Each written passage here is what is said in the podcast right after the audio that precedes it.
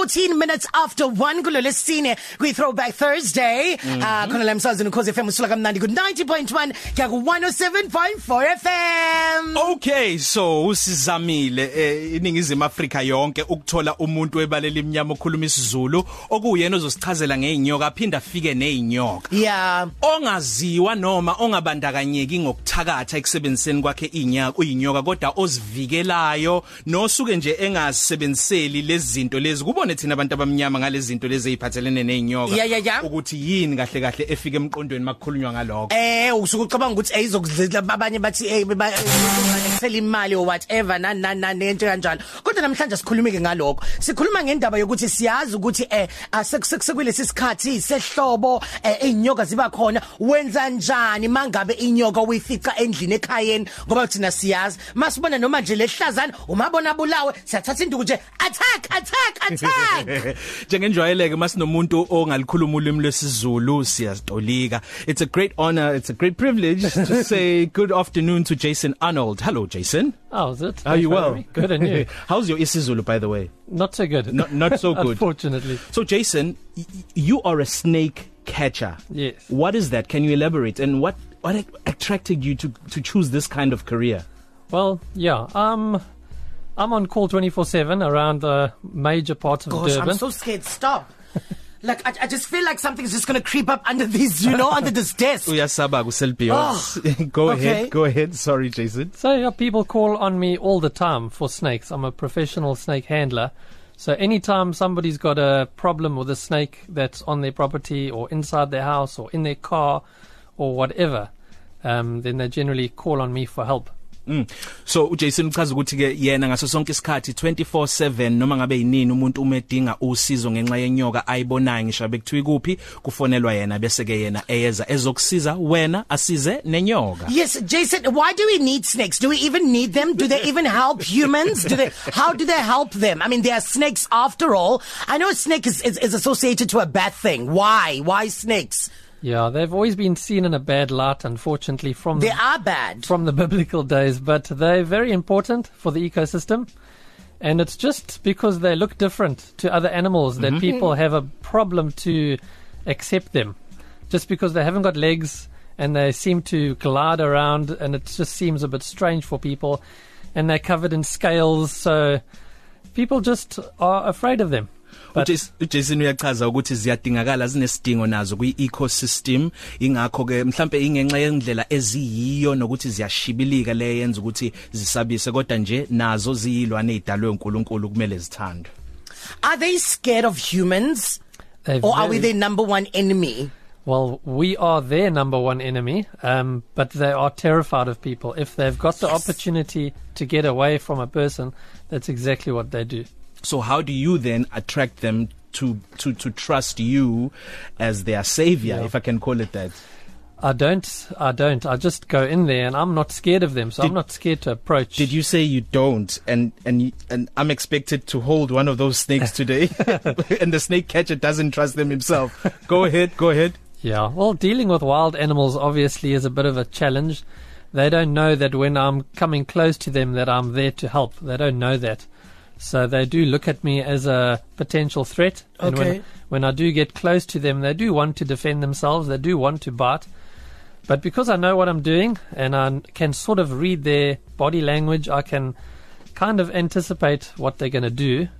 And yeah, I basically know how to work with them. Yeah. uJason usichazela ukuthi yebo inyoka okuyena into ezingayithembi kakhulu umuntu naye akayithembi eh, ngokuphelele kodwa ngenxa yokuthi use ungcweti kuloko akwenzayo useyayazi into ayenzayo uyazinikeza le mood noma lokhu ezikudingayo ukuze zimethembe futhi uma kungenzeka kube ukuthi zinobungozi uyazi ukuthi enze njani So you spoke about biting. So what's the first thing that you should do as a human when you just get when, when you get a snake bite? Do, do what, what do I do? Because I remember there was a time where this this this misconception that um um um, um I, I had when I was growing up yeah. that you need to go quickly drink water before it or, or, or I must drink water uh, or if it does drink water first I die or if I drink the water first it dies. Yes. can yeah. you pick one yeah, things like that. There's unfortunately a lot of mis- misconceptions. Um, Yeah, the, the only thing to do when you get bitten by a snake is start making your way to a hospital straight away. Mm-hmm. Don't delay. Don't try to first catch the snake or kill the snake to take it with you because that's not important. Um, the important thing is to, to get to hospital as quickly as you can without delay. okubalekile nje ngale kwezinto sukwaxoxelwa zona mawuke walunywa inyoka into yokuqala ukuthi uthole usizo esibhedlela ungayikiyo zonke zonke lezi zinto osuke wafundiswa ngazo okay so the next time i speak to you the next time sel beyond sengixoxa nomlaleli so bese singale ngaphandle ngenxa yokuthi kuthiwa i-national key, uh, uh, key point la Yes. SABC izindlu za SABC zokusakazela akuvumelekile ukuthi kungene inyoka ngakho ziphandle sizophuma ke sekusethiwe ukuthi siyosakazela khona. Ukhona umngadi sobe sishaya Instagram live @ukhozi_fm kwamanje u live sizoyimakethe siye ngomeni bese siyabuya. Uma ngingabuyanga mngowami hayi shuthu siyoqhubeka wedwa ke. Uh, as long as mawukhokhele nje wonke amapolisi wangenza ngaba yi-beneficiary thanks Jason. We'll chat on the other side. Okay, thank you. i-12 to 3 cafe sibukhoma at ukhozi underscore fm ku-instagram live njengamanje njengoba usiya engaphandle nje kanye ney'nyoka ehambayo kanye nojason. Baphandle ey'ndlini zokusakaza zokhozi fm siyabonga uyangizwa? Ngokusasabi kanje yindaba ngiyabona kwimanje khona esihlazana kade iphethe ngesandla lo mfana. Oh kanti unjani lona Eh, kodwa uzoyichaza ke khona manje kodwa kubalekile ukuze umlaleli ezokwazi ukuthi kwenzakalani akangene manje ku Instagram @ukhozi_fm @ukhozi_fm all right Jason the snakes. I can't speak properly now. Okay. Let's start with the poisonous guys so that we get them out the way quick. Brought a few of the iconic species, um, the species that are well known in, in Durban. I've got the black mamba Woo. bottom here, and the green mamba on the top. black mamba There's a black mamba here. He's about three meters long. It doesn't look like it. okay big size snake. 03 meter so how dangerous and how often in our homes can we find a black mamba Um, I wouldn't say that they're common snakes, but I do catch quite a lot of a lot of them in Durban. Mhm. Um, but like for every, let's say for every hundred snakes that I catch out of people's homes, maybe two of those might be black mambas. uJason Mgo uthi azivamile mhlambe kwezu 100 azibambayo emakhaya ezu2 kuswe kwi black mamba i believe this is the most dangerous snake out there Yes, definitely. Both of these, the green and the black, but the black mamba is a little bit more dangerous. how quick can it kill you It can take anything from about two hours to six hours to kill an adult. oh my god okay But sometimes it can kill you a Oh, God, little bit it's so quicker big. than that, depending on all sorts of factors, where it's bitten you and your fitness Uh-huh. levels and your age. It can potentially kill a person in about an hour.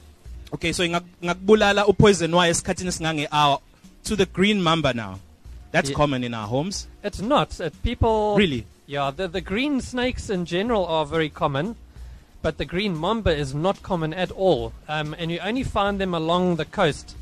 So if you're living somewhere inland, far away from the sea, and you've got a green snake, it's very unlikely that it's a green mamba. It's one of the other ones. Okay so kusho ukuthi isikhathi esiningi thina suke sitshela ukuthi igreen mamba esuke sibone emakhaya ethu kanti kusuke kuyelezi ezinye asazosivezela zona uJason ezingenawo poison kangaka ngiyabona sisayilwe umzuzu nje kuba manqampu nqampu ngowami perhaps now let's have an experience of touching one Woo, no wait wow Yeah. usho yini no wema uzoyithinta ngempela ngiyayithinta ngenze njani umsebenzi wami ngavuma okay okay so what are you pulling out now This is quite a friendly snake. Um, people keep friendly these. snake people keep these quite often as pets. okay Uh, it's called a ball python or a royal python. a royal python They okay so what do I do when I hold it You basically just support the body, let him do what he wants to do. He might he might put his tail around you to hold on because Okay. he feels like he's going to fall, okay but he's he's not going to bite you. So I'm Is it glad not dangerous? White. Is, is he going to react differently? not at all. Okay, let's try this. Woo! There we go. Hello. Do we have a name for him? Gibambile Wemgo This one ngiyabona ku Instagram has a what? Megabyte. Eh, That's his name, Megabyte. Megabyte. Why? Why do you call him Megabyte? It was actually named by the owner. I'm not the original owner. Uh, I was given the snake by the owner, and he Okay. named it Megabyte. All right, can he go around my neck? Can if you want him to. Okay, we'll try that later. Sibona mgo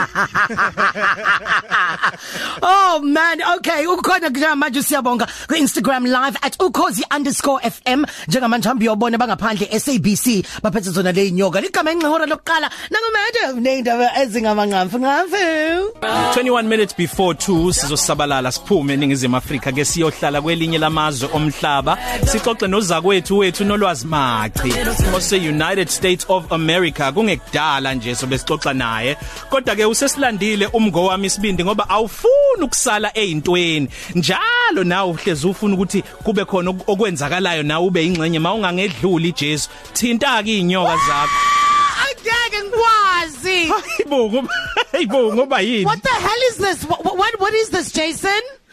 Well, we've got a black mamba, a green mamba, a puff adder. We've got two little pythons. We've got a brown house snake and a bush snake and a night adder. Can I see the bra- the bush snake that you're talking about? I want to see it now. Whoa, wait, wait. Am I allowed to come? Wait, wait. Are, are they not dangerous though? Um, no, no, don't, no, don't. This one over here is a little bit dangerous. Not bad. It won't kill you. Okay. And these other three are totally harmless. Okay, that's fine. No, no, don't bring it here. No, I'm fine. Thanks. Thanks very much. So, like, what should we do when these things come at home? Because I know um, when, when, when we're growing up, if um, we see a snake, if we've seen a snake probably earlier during the day, we burn a tire, a car tire. So, wh- what are, what, what, what are some of the methods that one can do to, to prevent them from coming in? It's actually not possible to stop them from, you know, being in the property. Um, if they're going to come through the property, they're going to come there whether you're burning a tire or not. Um, but you can take little precautionary measure, measures to stop them from actually getting inside the house. How? So, the first thing to look at is your doors. Any of the doors that lead outside of the house, you, go, you must make sure that there's no gaps under that door. Okay. Um, if there are gaps, you either need to place like um, a towel or a blanket or something there, or you need to actually fit something to the door that seals it so that there's no gap. Yeah. Um, and that means that if a snake happens to be crawling along the side of the house and he crosses past the doorway and there's no gap under the door, he's not going to be able to come inside. So now the snake is inside the house. What do we do? Because definitely I'm not going to be sleeping in there. What do I do? Do I try to find it and attack it? No. no ubiza uJason But can I attack first if I have the opportunity? Well, people do. People do do that, but a lot of people get bitten when Yeah. they're trying to interfere with the snake. So, if you want to stay safe, if you don't want to end up being bitten, then the best thing is actually to call somebody that knows what they're doing, and, and they'll come in and, and find the snake. But you got to try and help them. Like, don't just run out of the house and then not know where the snake is, because the snake can then move around. He can hide away. It makes it very difficult to find. So. And, and is it true that if I see it, all I need to do is stay calm, remain still, um, um, make sure that it just goes past me, and then probably it won't attack? Is that true? I must just be a statue. Yes, that is true because if you're standing still, a snake doesn't perceive you as a threat. If you're standing still, in his mind, you could be a rock, you could be a tree, you could be anything. But as, as long as there's no movement Oh, from they you, dumb. they, they're not very intelligent. They, they, they work a lot on instinct. So if you're not moving, you're not a threat to them. Oh, so I must not move. Yeah, don't move. But if you are in close proximity, um, you can move away from the snake. That's not a problem. Okay. Before we go back to studio, I want you to tell me. So those who keep it as pets, what do they feed them? Is it rats all the time? Because I do know that snakes don't chew. Yeah, it's, it's generally rats and mice um, that people feed their pet snakes. If they're very large pythons, then it's things like chickens and rabbits. Um, yeah, things like that. Okay, Jason. Thank you so much. I'm going to stay a little longer. Back to studio. Wemgo siyasibela kuwena. wemgo awubuza uJason usesitshelile ukuthi ithaya ukushisa ithaya kwivimba inyoka mawukuthi ifuna ukungena kodwa ukuchela ngoshiboshi kuyasiza Okay abasalaleleke e-studio. Mhlawumbe ake si- ake sibuye eh, ezinye izinto abayixoxile. Uthe uJason into ebalekile uma kuzinyoka ingeke ingene akungabikho ikhala eminyango noma e- uma kunemfanti noma amawindi vala noma ingethawula noma kube khona nje kodwa into ezovimba lapho. Okunye abakhulume ngakho ukuthi uma inyoka ayihlakaniphile ngaleyo ndlela kuyasiza ukuthi uma uma unganyakazi ngoba yona ngeke yazi ukuthi yitshe noma ngabe yini eh uma ukwazi kuma ima kodwa futhi uma kukhona igebe lokuthi baleka baleka. Ezinye zezinto abakhulume ngazo kuselbeyonce ubuza ukuthi zidlani? Eh kwaba ukuthi ke zidla eh, amagundane nezinkukhu basaqhubeka ke ku Instagram live bukela @ukhozi_m eh, fm @ukhozi_fm lapha phandle ngenxa yokuthi abakwazi ukungena ngaphakathi e-studio. Ngifuna ukubona uselbeyonce eyigaxa lenkulu engicabanga ukuthi inhlwathi Sammy T featuring Miamo labantwana bama Uber hey? Wayibo yini? Ukuthuka kweinyoka lokho Eh hayi ngiright khuleka sengiright manje. Mina neinyoka sikanje. 9 minutes before 2 no Jason sesiyavalelisa. Okay. Jason thank you so much for giving us that experience. No problem. it was terrifying as hell. I know.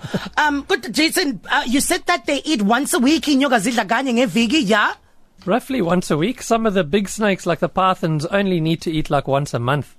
Oh Even even less than that. and what would they have eaten They would eat something like a, a goat. Um, yeah, or uh, I don't think I think a cow. Yeah, buck, small buck, um, chickens. so zidla inyamazana inkukhu imbuzi njalo njalo and and and and how do you know when these ones are hungry what do you feed these ones as well They eat rats and mice, and um, pretty much as soon as they go to the toilet, I know that they're ready to eat again. How do they go to the toilet I've never Th- They've got an opening near the end of the tail, um, which we call the This cloaca. is, this is National Geographic now Okay. and you're David Attenborough yeah and they they basically poo and wee at the same time. They don't do one or the other. They do them both together.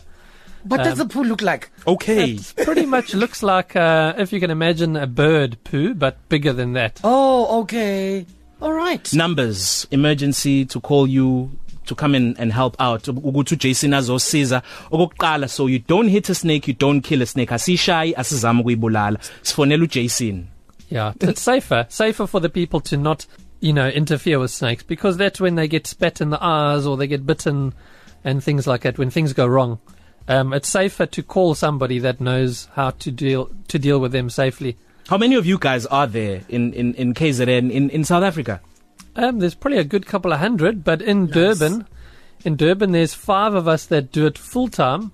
do you guys go to township and rural places as well We do if we if we can get suitable directions or an address, or if the people have got WhatsApp and they can send us a location. oh yeah You can send a location pin uh, as long as we can get to you. Um, Okay. We can we can come. so banga bangafinyelela noma yikuphi ayikuphela endaweni esemadolobheni semakhaya kanye nasemalokishini inamba that WhatsApp number yes It's zero eight two seven four five six three seven five.